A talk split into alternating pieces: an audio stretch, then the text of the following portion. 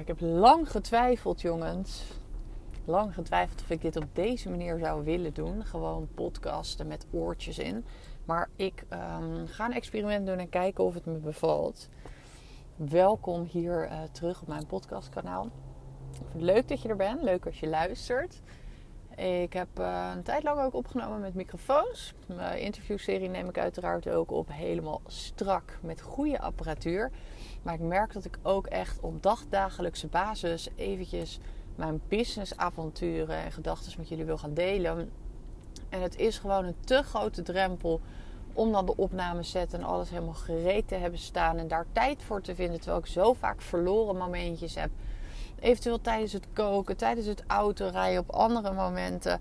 Waarvan ik zeg: hey, dit zijn eigenlijk de momenten die ik perfect zou kunnen gebruiken om uh, content te maken, om dingen met jullie te delen. Ik heb uh, veel mensen ook gezien die daar ook even goed luisteraars uh, mee bereiken. En die, ik luister zelf ook gewoon podcasts die op, dat, ja, op die manier eigenlijk worden opgenomen.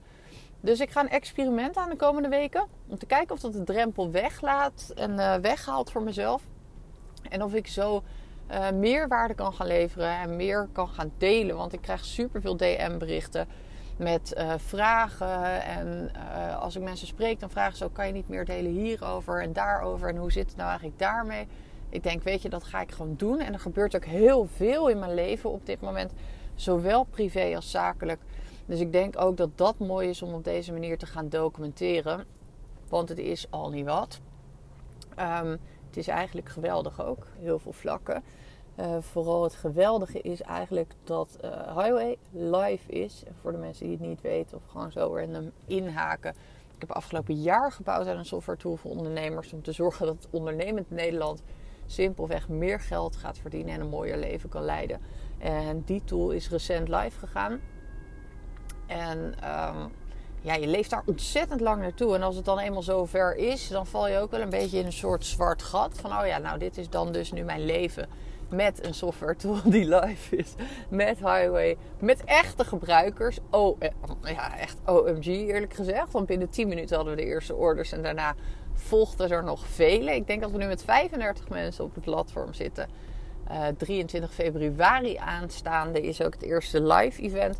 Dus als je nog niet meedoet met Highway, kan super laagdrempelig tegenwoordig. Want je kan gewoon een maand abonnement nemen die ook maandelijks opzegbaar is. Maar dan kan je nog gratis ook bij het event zijn. Overigens, als je dit luistert, weet ik niet of er nog plekken zijn, omdat we nog maar echt vier plekken beschikbaar hebben, volgens mij. Maar misschien dat je op tijd erbij bent, dan kan je er uh, op die manier bij zijn. Dat is niet waar deze podcast over gaat, maar ik denk wel dat het goed is om dingetjes ook eventjes te noemen die, um, die er spelen voor degene die daar wat aan heeft. Uh, voel je daar vooral niet verplicht toe. Hoeft helemaal niet iets voor jou te zijn. Je kan ook gewoon lekker luisteren naar de rest van de content uh, die er is. Um, ik begin heel erg dingen binnen het ondernemerschap te snappen de laatste tijd. Eigenlijk ben ik natuurlijk al bijna elf jaar bezig. En het lijkt wel alsof er bepaalde dingen op zijn plek vallen. Ik weet ook niet of dat alleen in het ondernemerschap is of dat dat sowieso in het leven het geval is. Want ook heel veel levensdingen en levensthema's vallen op zijn plek april aanstaande word ik 30. En ik had een human design reading bij um, twee dames. En zij vertelde mij dat in principe, ja, misschien ook volgens mijn design. Ik weet niet meer precies of dat nou voor iedereen geldt of dat het met een specifiek design zo is. Überhaupt hoef je dat natuurlijk niet als waarheid aan te nemen. Maar het triggerde wel iets bij mij. Was dat uh, heel veel dingen in het leven ook gewoon soepeler lopen en op zijn plek vallen. Dat je dat allemaal beter snapt vanaf je dertigste. En dat was ook een beetje wat mij begon op te vallen. Dat dingen in rustiger vaarwater komen. Ik wil niet zeggen dat mijn leven niet meer spectaculair is. Want dat is het wel. En dat, dat vind ik ook helemaal oké. En dan mag het ook gewoon blijven. Maar ik heb gewoon meer rust intern, denk ik. En ik snap gewoon bepaalde keuzes van mezelf beter. En ik kan ook anders naar dingen kijken die ik heb gedaan. Of uh, waar ik voor heb gekozen. En dat voelt ook wel heel lekker en vrij.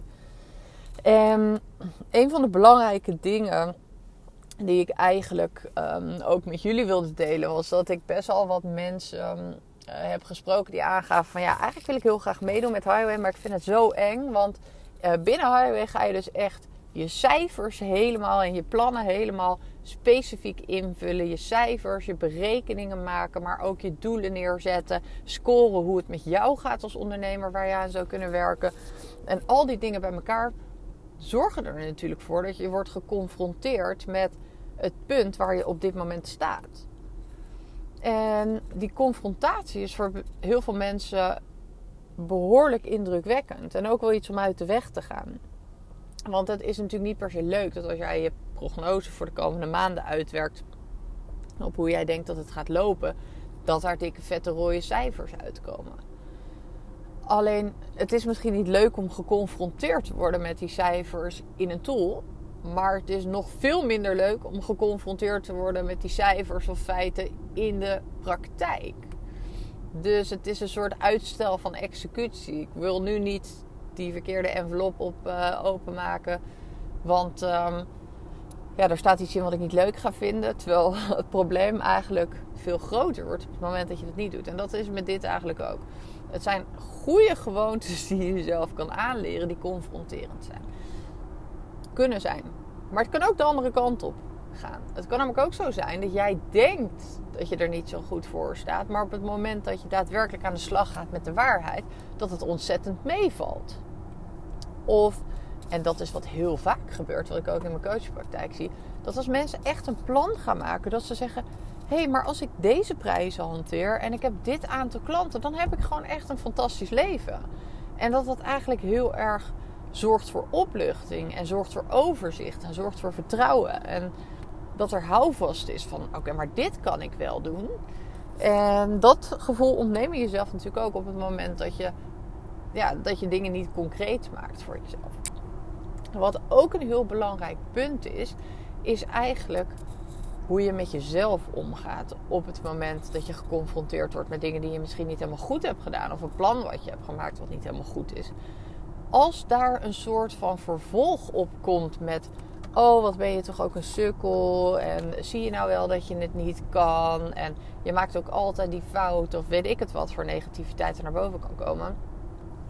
Stel dat dat er nou gebeurt op het moment dat jij dingen van jezelf ziet die niet zo goed uitpakken, dan snap ik ook wel dat je geen doelen durft te stellen. Dan snap ik ook wel dat je ehm, uh, ja, geen cijfers wil uitwerken voor jezelf. Dat je geen berekeningen wil maken. Dat je niet een meeting kan hebben en met jezelf naar je winst en je marge kan kijken. Of dat je je beleggingen onder de loep neemt. Op het moment dat dat gesprek met jezelf dus heel negatief geladen is, dan maak je de druk voor jezelf zoveel hoger. Terwijl het is in ondernemen, en dat heb ik dus heel lang ook gedaan. Laten we eventjes uh, vooral heel eerlijk zijn. En die neiging heb ik nog steeds op bepaalde momenten maar heel veel momenten lukt het me om een leuk gesprek met mezelf te voeren. Om mezelf meer motiverend te coachen. En om ook humor in te kunnen brengen. Van jeetje, nou, nu heb je 15 of 20.000 euro uitgegeven hier en hier aan. was helemaal niet slim. En soms kan je er op een luchtigere manier naar kijken. Want je weet gewoon dat je dingen ook niet goed gaat doen.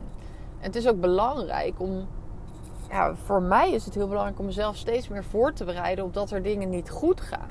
Want op het moment dat je gewoon daar luchtig over na kan denken, dan schiet je ook niet zo in de paniek. Kijk, ik heb die software tool gebouwd. Je denkt toch niet dat ik het kan lanceren zonder dat er een keer een bug ontstaat of dat er iets niet goed gaat, bijvoorbeeld technisch. Ja, dan kan ik dus vanuit mijn perfectionisme denk ik op het moment dat het niet goed gaat, nou verschrikkelijk miljoen, is alles helemaal verpest en het komt nooit meer goed. Maar ik heb mezelf erop voorbereid en ik heb al eigenlijk rekening gehouden met dat er dingen mis kunnen gaan. En in de praktijk gaat er dan misschien wel minder mis, waardoor het hartstikke meevalt en het proces eigenlijk veel soepeler verloopt. En dan is het denk ik niet zozeer dat het probleem is dat je jezelf conformeert aan bepaalde doelen of dat je jezelf confronteert met een bepaalde status, dan is het probleem eigenlijk veel meer op het stuk hoe is de relatie met jezelf en hoe is de aansturing naar jezelf door als ondernemer. En dan kunnen we natuurlijk termen zelfliefde erin gooien. En uiteindelijk valt dat onder die categorie. Alleen ik zou nu niet heel erg die kant op willen gaan. Het is denk ik wel een universeel thema voor ons allemaal, zelfliefde.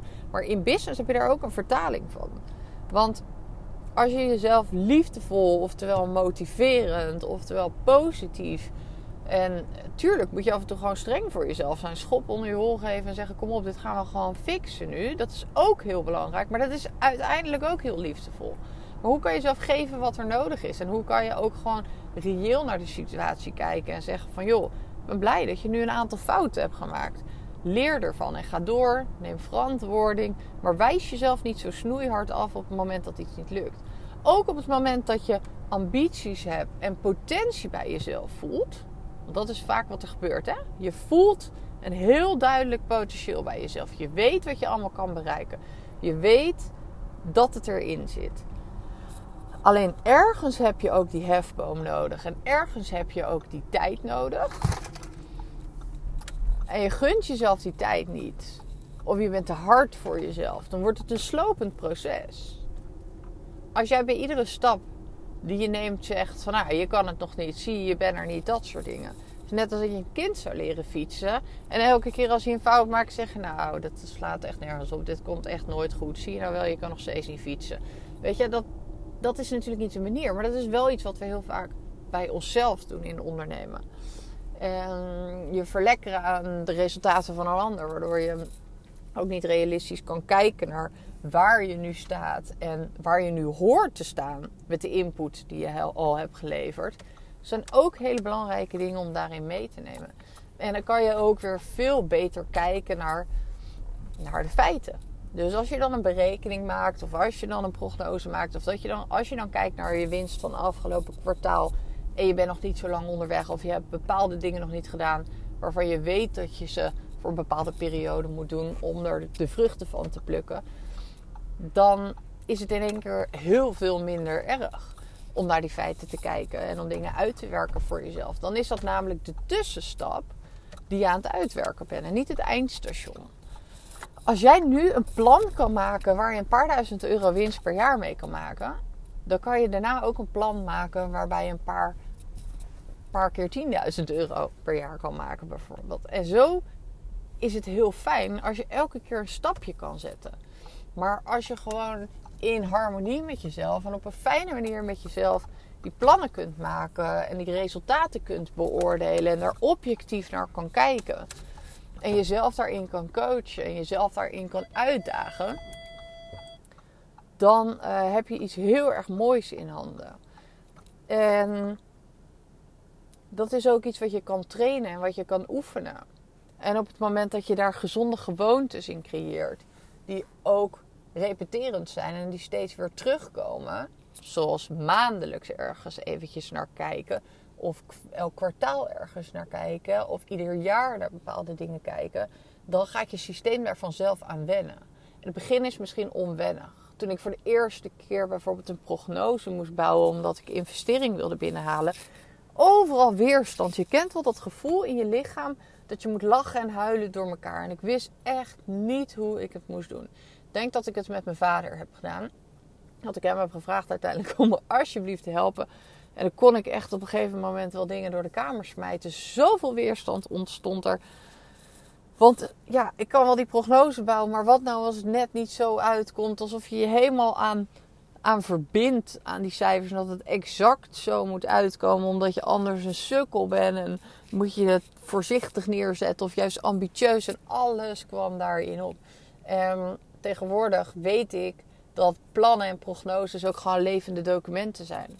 Maar dat het een vertrekpunt is waar je ontzettend veel aan kan hebben. En dat het heel fijn is om ergens te staan, om dat door te kunnen meten. En om uiteindelijk ook op de lange termijn conclusies aan kunnen, kan verbinden. Zodat je daar houvast vindt. Maar in het begin, oh, ik krankte gewoon helemaal van binnen. Dat was echt niet normaal. Dus als je bij jezelf bijvoorbeeld die weerstand ervaart als het aankomt op aan de slag gaan met je cijfers of met je vermogen. Of om te kijken van wat is mijn vermogen dan daadwerkelijk. Ja, dan kan ik je eigenlijk heel blij maken in deze podcast. Want dan kan ik je zeggen dat jouw systeem daar gewoon aan kan wennen. Net als dat je elke dag gaat squatten bijvoorbeeld. En dan worden je spieren sterker. Dat is een heel logisch gegeven. Maar dat is met dit soort dingen ook zo. We worden beter in dingen, maar we kunnen ook wennen aan dingen. Dus die combinatie is heel sterk. Je wordt, je wordt ergens beter in, je went eraan en daardoor voelt het geheel veel lichter. En in het begin is dat dus niet zo. Dan is er die weerstand. Goed om op te zoeken en uh, ja, om echt actief op te zoeken. Ik denk dat dat, uh, dat dat helemaal niet erg is om te doen. Om jezelf zo te stretchen en te denken van... Oh, dit is uh, a little bit uncomfortable. Um, ja, wat mij betreft een belangrijke boodschap. Dat is tevens denk ik de boodschap van vandaag. Want het is niet goed als ik te veel van de hak op de tak ga en er een groot geheel van maak. Dus ik ga proberen om nou, elke keer één thema echt bij je neer te leggen waar je iets uit kan halen. Voor nu wens ik je een hele fijne avond, ochtend, nacht, whatever, wanneer je het natuurlijk luistert. Ik vond het super tof als je er weer bij was. Ik zal jullie in de podcast morgen, ga ik proberen op te nemen. Morgen, want morgen heb ik zelf ook een podcast interview trouwens. Bij, um, bij Ellen. Ik weet niet of ik het al mag zeggen eigenlijk, maar ik heb het toch gedaan. Maar goed, ik heb haar een podcast interview morgen staan. Dus dat is ook heel leuk als ik geïnterviewd word over gelijk over een super spannend thema. Dus ik denk dat zij uh, mij helemaal gaat fileren in die podcast. Maar ik heb er zin in. Dat morgen. Ik ga proberen om morgen ook weer een podcast update op te nemen. En dan ga ik jullie even meenemen in hoe dat was. En uh, dan is er vast ook nog een mooi extra thema wat ik, uh, wat ik met je kan delen. Voor nu, thanks voor het luisteren. En um, ja, tot de volgende episode. Die ik uh, ga proberen morgen weer live te zetten.